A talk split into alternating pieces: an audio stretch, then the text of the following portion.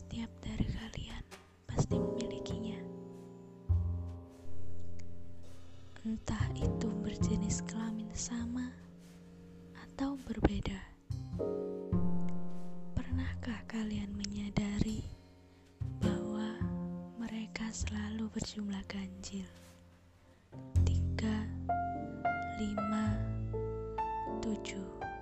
Jarang sekali ada yang berjumlah genap dua, empat, enam. Tenang, ini bukan podcast matematika. Masa sekolah menengah pertamaku, aku tidak mempunyai teman dekat. Hanya sebatas teman di antara rentetan ratusan nama teman. Tentu saja aku mengenal mereka semua mereka hanya sebatas teman tanpa imbuhan kata dekat, hanya teman. Masa sekolah menengah atasku, aku memiliki lima orang teman dekat untuk pertama kalinya.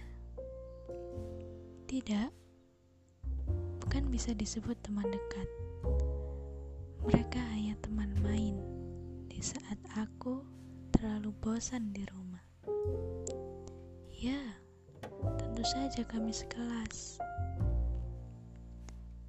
Tapi karena suatu sebab salah seorang pindah kelas dan salah seorang lagi membentuk lingkarannya sendiri.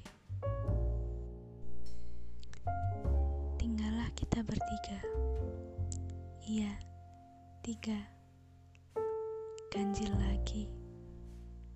Bilangan yang sangat dekat dengan pertemanan. Aku mulai bosan dengan mereka dan pergi membentuk lingkaran baru. Kali ini lima orang. Ganjil lagi. Aku sudah lelah dengan jumlah ganjil. Sampailah aku pada suatu titik bosan lagi. Lalu aku meninggalkan mereka dan kembali pada lingkaran lamaku. Tiga. Oke, aku akan berhenti di sini. Cukup dengan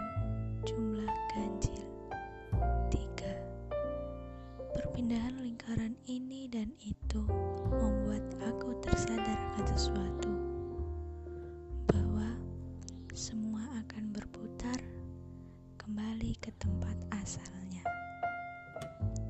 Yang berasal dari tanah akan kembali ke tanah pula. Bersyukurlah kalian masih berespirasi. Bersyukurlah kalian dianugerahi merasa mencinta hingga dapat terus berbagi cerita di antara ratusan rasa.